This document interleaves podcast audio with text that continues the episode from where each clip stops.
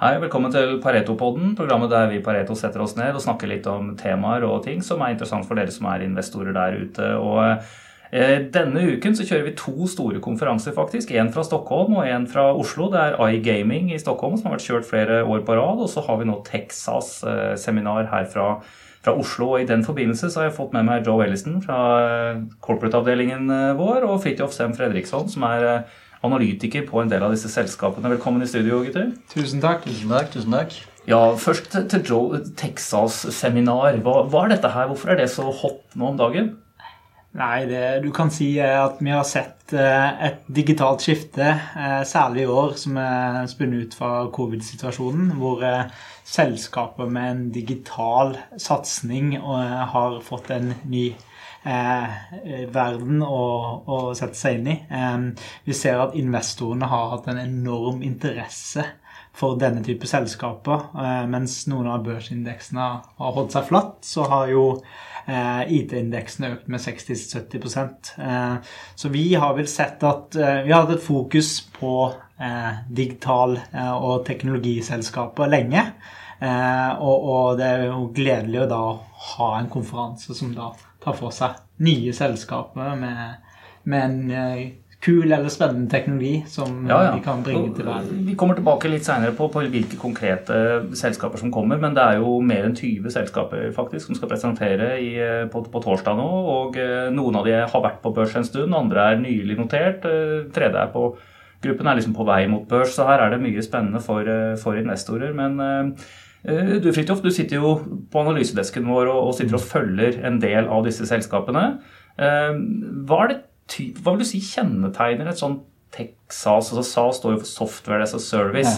Hva, hva kjennetegner liksom den type forretningsmodell, og hva er, hva er, det investorene legger til grunn når de typisk skal verdsette disse selskapene? Ja, vi kan jo begynne å si um, at når vi snakker om Texas-seminaret, så er det jo ulike typer selskaper som, som kommer og presenterer. Det er både større og mindre, og det er, det er selskaper som typisk drives av disse teknologisk sterke kreftene. Da. Når vi snakker om SAS-selskaper, så er det software- og serviceselskaper, og de har noen spesielle egenskaper ved seg. det for det første så har du den abonnementsbaserte inntektsmodellen. Du får inn gjerne inntekter tolv måneder up front. Og da har du en visibilitet, altså en ARR, annual recurring revenue, så en visibilitet i hva du skal tjene penger frem i tid, som en, som en minstegrense, kan man kalle det. I mhm. tillegg så får du jo pengene inn tolv måneder eh, up front vanligvis. Det har en veldig positiv arbeidskapitaleffekt. Så faktisk negativ arbeidskapital det er med å funde veksten automatisk. Eh, videre så er det jo lav upfront capex needs for å komme hjem med sånne bedrifter. Eh, og i tillegg så har du online-produkter som er svært skalerbart. Mm. Så i sum så er dette et selskap som typisk kan vokse veldig raskt, samtidig som de genererer sterke kontantstrømmer. Eh, så de er self-funding eh, ganske godt på vei gjennom business-syklusen her. Dette er litt interessant. Jeg har alltid vært interessert i, i tech og liksom fulgt det ikke bare i men nå begynner å nærme seg 20 år. liksom, og, og, Man så jo hvordan forretningsmodeller for noen år siden innebar ganske store investeringer. ikke sant, Man måtte skaffe seg serverparker, utstyr, man måtte skaffe lisenser, man måtte skaffe folk til å drifte dette her. Og nå er det rett og slett alle de greiene der det kan du få som en service. Og ikke bare kan du si fra disse tech-SAS-selskapene, men, men, men de igjen går jo til skyleverandører og den type ting ikke sant? for å mm. skaffe seg den kapasitet de, de trenger. Så eh, det er helt ny verden, dette her. altså Det må jeg si. Og, og noen av de største selskapene i verden, er jo, altså sånn som Microsoft, har jo selv foretatt den, den reisen og, blitt, eh, og selger nå stort sett sine tjenester som, som en service. Mm. Så det er jo et eksempel hvis folk eh, lytter til der ute trenger liksom å vite okay, hva slags type selskaper dette er snakk om. Jo, prøv å klare deg uten liksom Word og Excel og de tingene der. Det, det, er, det, er, eh, det er, vanskelig. Og, og, det er jo den form for tjenester mange av disse selskapene her nå, nå leverer. ikke sant? Og, og, og, da blir det jo gjerne slik at, at, at kunden er sticky. Dette er jo dette her ARR, altså sånn recurring revenue, ikke sant, som du, som du snakket om. Mm. Ja, absolutt. Så Men, men, Joe, du sitter på, på corporate-avdelingen. Eh, og det er jo noe som liksom, Der er det jo Dørene er jo lukket som regel for, for, for i hvert fall synlighet der ute. Og vi har det er jo strengt dette med informasjonsflyt og alt sånt internt også. Så, så, jeg tror det er mange av lyttere som kanskje syns det kan være litt interessant å høre hva dere egentlig driver med, sånn, sånn konseptuelt. Altså når, når, er det et selskap kommer til dere, og hva kan dere hjelpe dere med? Ja, det skjønner jeg. Det er et eh, veldig interessant spørsmål du stiller der. Eh, det vi ser, er jo at, eh, at det er kanskje den mest spennende delen av jobben. Det er at vi får lov å møte veldig mange spennende selskap som både vil møte oss, og noen ganger så må vi ringe de. Og det vi da ser, er at selskapene kommer til oss i veldig forskjellig fase. Noen har noe helt genial teknologi som de har lyst til å bringe til verden. Noen har kommet ett tak videre, at de har begynt å kommersialisere det. Og så finnes det selskap som har kommet enda lenger på veien og har eh, kommet i full kommersiell fase, har lønnsomhet i, i, selskapet og ønsker bare å få enda mer vekst. Det vi bidrar med spesifikt i den fasen, er jo å klargjøre selskapet for å gå mot investorene. Investorene har jo ganske mye krav som de stiller de skal, før de skal investere. Så det å på en måte sannsynliggjøre den veksten de ser for seg framover, eh, synliggjøre hvordan forretningsmodellen egentlig virker, eh, hvordan teknologien egentlig virker, den jobben jobber vi med selskapet for å synliggjøre overfor investor og, og potensielle kjøper i en eh, kjøp- og salgsprosess. Mm, det er jo en, ja, fordi Dere er jo involvert i noen prosesser som kanskje munner ut i at man henter kapital fra kan du si, eh, et lukket, en, en begrenset krets med, med investorer eh, tidlig i selskapets fase. Eh, og så har du den, de tilfellene hvor, hvor et selskap blir kjøpt av et annet, eller er interessert i å kjøpe noe annet selv for å vokse. Eh, men så har du også dette som kanskje er det mest synlige for folk flest når du får denne børsnoteringen. og den, den, kommer jo gjerne enten som følge av at man trenger kapital til vekst, eller at det begynner å bli såpass modent selskap at det er naturlig å handles på en, en regulert markedsplass, som man kaller det. Og det, det, er jo blant de kravene børsen også stiller. At liksom du må være det må komme til et visst stykke, det må liksom være en viss fasthet i caset når du masserer det, eh, før det hører hjemme på børs. Ja, og det man har sett der i det siste, er jo at Oslo Børs, eller hovedlisten, har jo eh, ganske strenge formelle krav, eh, hvor et, det må eh, skrives et prospekt som Finanstilsynet må godkjenne. Og, og, det er jo en mye mer omfattende prosess enn det vi ser av Merkur Market. Merkur Market har også ganske strenge retningslinjer for hvordan man skal håndtere en type Eh, prosess. Og det, det, vi ofte ser der, er at man både gjør en juridisk eh, begrensa eh, due diligence og mm. en finansiell due diligence før, som vi fasiliterer og jobber sammen med den type rådgivere som bidrar med det. Så det, det, det, er ganske strenge krav for å bli notert. Det er det fortsatt. Eh. Det er mye formalia som skal på, på plass. Men, men, det stemmer jo at Merkur, som jo nå etter hvert snart vil hete Euronext Growth, Eh, er jo en markedsplass hvor man i hvert fall kan komme i gang med denne elektroniske handelen og de tingene der eh, tidligere eh, enn man kan ved en, en full notering. Så til selve konferansen. da, Jeg har en liste her som er liksom overraskende lang nesten over, over selskaper som skal komme. Det, men, men før, for selve selskapene så er det også litt Det, det kommer til å være våre analytikere kommer med en del innspill der. Dere har noen noen eksterne eh, rådgivere eller, eller, talere som kommer. Men, men, i hovedsak så er jo dette en dag full av selskapspresentasjoner. og jeg må glemte å si det, men eh, dere der ute, dere, dere kan jo selvfølgelig følge den her virtuelt. Det er, eh, det er, eh, feed som man melder seg på via vår kundeweb. Og så får man sett dette her hele dagen. Det går i to forskjellige streamer. Og så kan man se opptak av det etterpå når man først har vært påmeldt. Men Fritjof, er det noen, mm. selskaper du vil, vil, trekke fram her sånn fra, fra lista? Vi, vi, ser jo bare av det som nylig er notert, så har du også Control av det som har vært notert en stund. Vi har Kahoot, Pexip har nylig kommet på børs. Eh, og så har vi Cognite, som var på energiseminaret vårt her, som er på vei mot børs. Så, så vi har litt hele spekteret her. Er det noen, noen, spesielle du vil, vil, si noen ord om? Ja, det er som du sier, vi, vi, dekker jo de fleste av de selskapene som kommer som er, som er listet. Blant annet House Control, som vi, som nylig tok opp dekning på, Mercell, Mintra, Plexip, 24-7 Office um, osv. osv. Uh, vi kan jo snakke litt om House Control uh, for å trekke frem et selskap som vi ja, som vi nylig tok opp dekning på i forrige uke. Mm.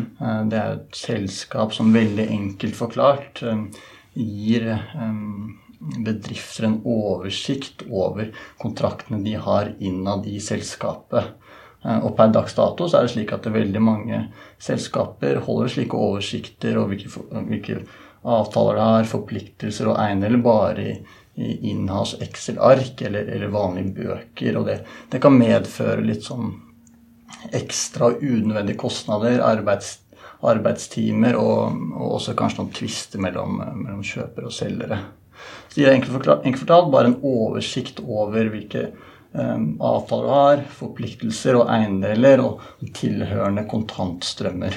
Mm, vi hadde jo sjefen i selskapet innom her og tok opp et videointervju. Det kan dere se på våre nettsider i forbindelse med noteringen. og De, de kalte seg vel for finanssjefens beste venn. fordi er det noe finanssjefer i selskapet liker, så er det jo nettopp å, å kunne ha et tydelig bilde da, i kalenderen sin på, mm. på disse avtale- og betalingsstrømmene. ikke sant, Og hvem det er som sitter på hvilke abonnement i bedriften. Mm.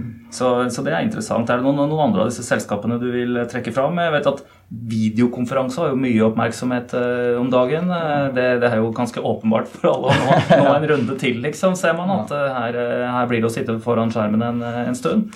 Absolutt. Vi dekker jo Pexi på veldig spennende selskap, vokser enormt raskt og har selvfølgelig blitt drevet sterkt av, av covid-19. Um, og, mest sannsynlig så kommer man til å se denne veksten eh, videre også, selv om, eh, selv om man, eh, man, finner en vaksine. Så har på, måte, på mange måter verden blitt mer vant til nå å ta møter over video istedenfor å møte fysisk og måtte reise fra, fra sted til sted. Mm. Vi kan ta faktisk litt mer faktisk på House Control, for det er litt spennende. Bare for man får snakke litt mer om denne SAS-businessmodellen som, som, vi var inne på i starten. Bare for å gi et eksempel på det. da så er House Control typisk software as a service-selskap. Sånn 95% av inntektene er recurring, altså ARR. De vokser veldig raskt. Det, var, det startet i, i, 2008, hvis jeg husker riktig, og hatt, hatt en vekst siden 2015 på, på rundt 26-27 i året. Over de siste tre årene så har det vært på 33% Og i tillegg nå så har det allerede begynt å å generere positive kontantstrømmer. Fordi det er en SAS-business. Du får inn inntektene eh, tolv måneder up front. Har, eh, har, eh, gode marginer og i tillegg lav capex og en, en, en, en positiv effekt fra arbeidskapitalen pga. disse abonnementsinntektene. Mm. Jeg tror liksom En del som sitter og ser på disse tabellene, for dere publiserer jo mm. det også fra analyseavdelingen, ikke sant, på, da, da ser jo Prising på mange av disse selskapene ser jo, ser jo attraktiv ut når man ser litt, litt, frem og på estimatene, men ofte så ser det jo veldig dyrt ut egentlig i forhold til hva de tjener nå. Mm. Kan du si litt om det? om liksom hvilke, Hva er det dere ser på, eller hva er, hva er det investoren bør vite om som de viktigste parameterne mm. liksom, i, i, i ligningene? Så til syvende og sist skal jo et selskap være priset på cashflowen de kan generere. Og disse selskapene er jo plassert til å generere fantastiske cashflower over tid. Men det brukes jo men det brukes eh, De investerer selvfølgelig noe i form av R&D og Capex for å, for å, komme opp til det nivået. I tillegg så er selskapene i, i, en ganske tidlig fase. De er ganske unge, så de vokser mye og jobber mot å komme opp til denne free cash flow-posisjonen. Eh, så det man typisk ser for å kunne sammenligne alle disse forskjellige selskapene, både litt mer modne og, og de litt unge selskapene, så ser man på den evige sales multiple typisk i starten. Mm. Og, da, og da er det sånn Per nå så, så, så ser man i snitt f.eks. ERP-selskapet trade på rundt syv til ni gangeren uh, sales i 2021. Og Selvfølgelig så vil det variere ut fra hvor stort selskapet er, og hvor langt det har kommet i, i business-syklusen. Ja, sånn som veldig store ERP-selskaper, sånn som SAP f.eks. i Tyskland. Det er, liksom, det er, jo Enterprise Research mm. Planning er vel ERP står for. Men jeg husker det er mye forkortelser i finans, så det gjelder å, å holde tungen rett i munnen her. Men, men, men, selvfølgelig mange andre vil jo da tilsynelatende handle på mye høyere multipler, men de, de, har en mye høyere vekst, ikke sant. Så det er den prosentvise år-over-år-veksten i, i, i inntekter som er spennende. Ehm, du da, Joe, du, du, sier jo alltid nei sikkert hvis jeg spør om, om, du, om, det er noen selskaper du vil trekke fram her, men, men, er det noen sånn konseptuelt du vil nevne som liksom er på vei nå mot, eh, mot en større synlighet, og som har signalisert børsnotering, den type ting? Um, det er vel ikke noen som der som har konkret gått ut med den type ambisjoner. Vi, vi har vel um, jobba med et selskap som kanskje mange kjenner til, som heter Tice. Mm. Som er en gjenbruksapp. Um, som er et ekstremt spennende selskap. Og der igjen så er det ikke størrelsen i dag som gjør at de er spennende, men vi ser at det selskapet har en helt eh, unik teknologi som de har fått en enorm penetrasjon med eh, i Norden. Eh, og de ser eh, nå videre for å rulle dette ut i Europa og Norden videre. Da. Så det som fanger vår oppmerksomhet, er vel at de, de sier vel at rundt 80% av jenter mellom 18 og 24 bruker den appen i Norge. Og, og, da har du en enorm eh, evne til å kapitalisere på noe som er unikt, og ikke minst miljøvennlig. da. Ja, jeg har noen døtre selv. Jeg registrerer at de sitter ofte med mobiltelefon i hånden. Så det, er, det å være en av de appene som de har på sin telefon og bruker, det, det er jo det som, som, er the value proposition her. sånn. Eh, bra. Da er vi alle sammen nå i forkant av eh, denne konferansen. Eh, man eh, kan gå på kundeweben vår eller på paretosek.no, for den saks skyld paretosek.se, eh, og melde seg på både den konferansen som holdes eh, den 11. nå, på onsdag. Det er AI Gaming. Det er en svær sektor i, i Sverige. Det er oppsiktsvekkende store selskaper der sånn, som, som, jobber med alt det som har med, med online game og kasinovirksomhet, den type ting sportbetting, alt det der å, å gjøre.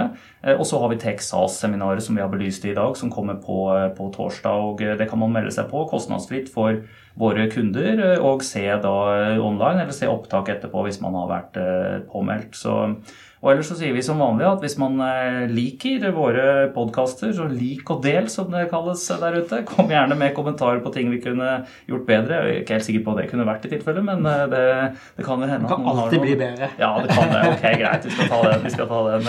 Det er, det er viktig at man har den innstillingen, tror jeg. Da sier jeg tusen takk til Ellison, Fridtjof Sem Fredriksson for, eh, for, at dere stilte her i dag. Og så er det bare å melde seg på seminaret, og så får man en hyggelig input på, på tech eh, og software as a service der. Ha det bra.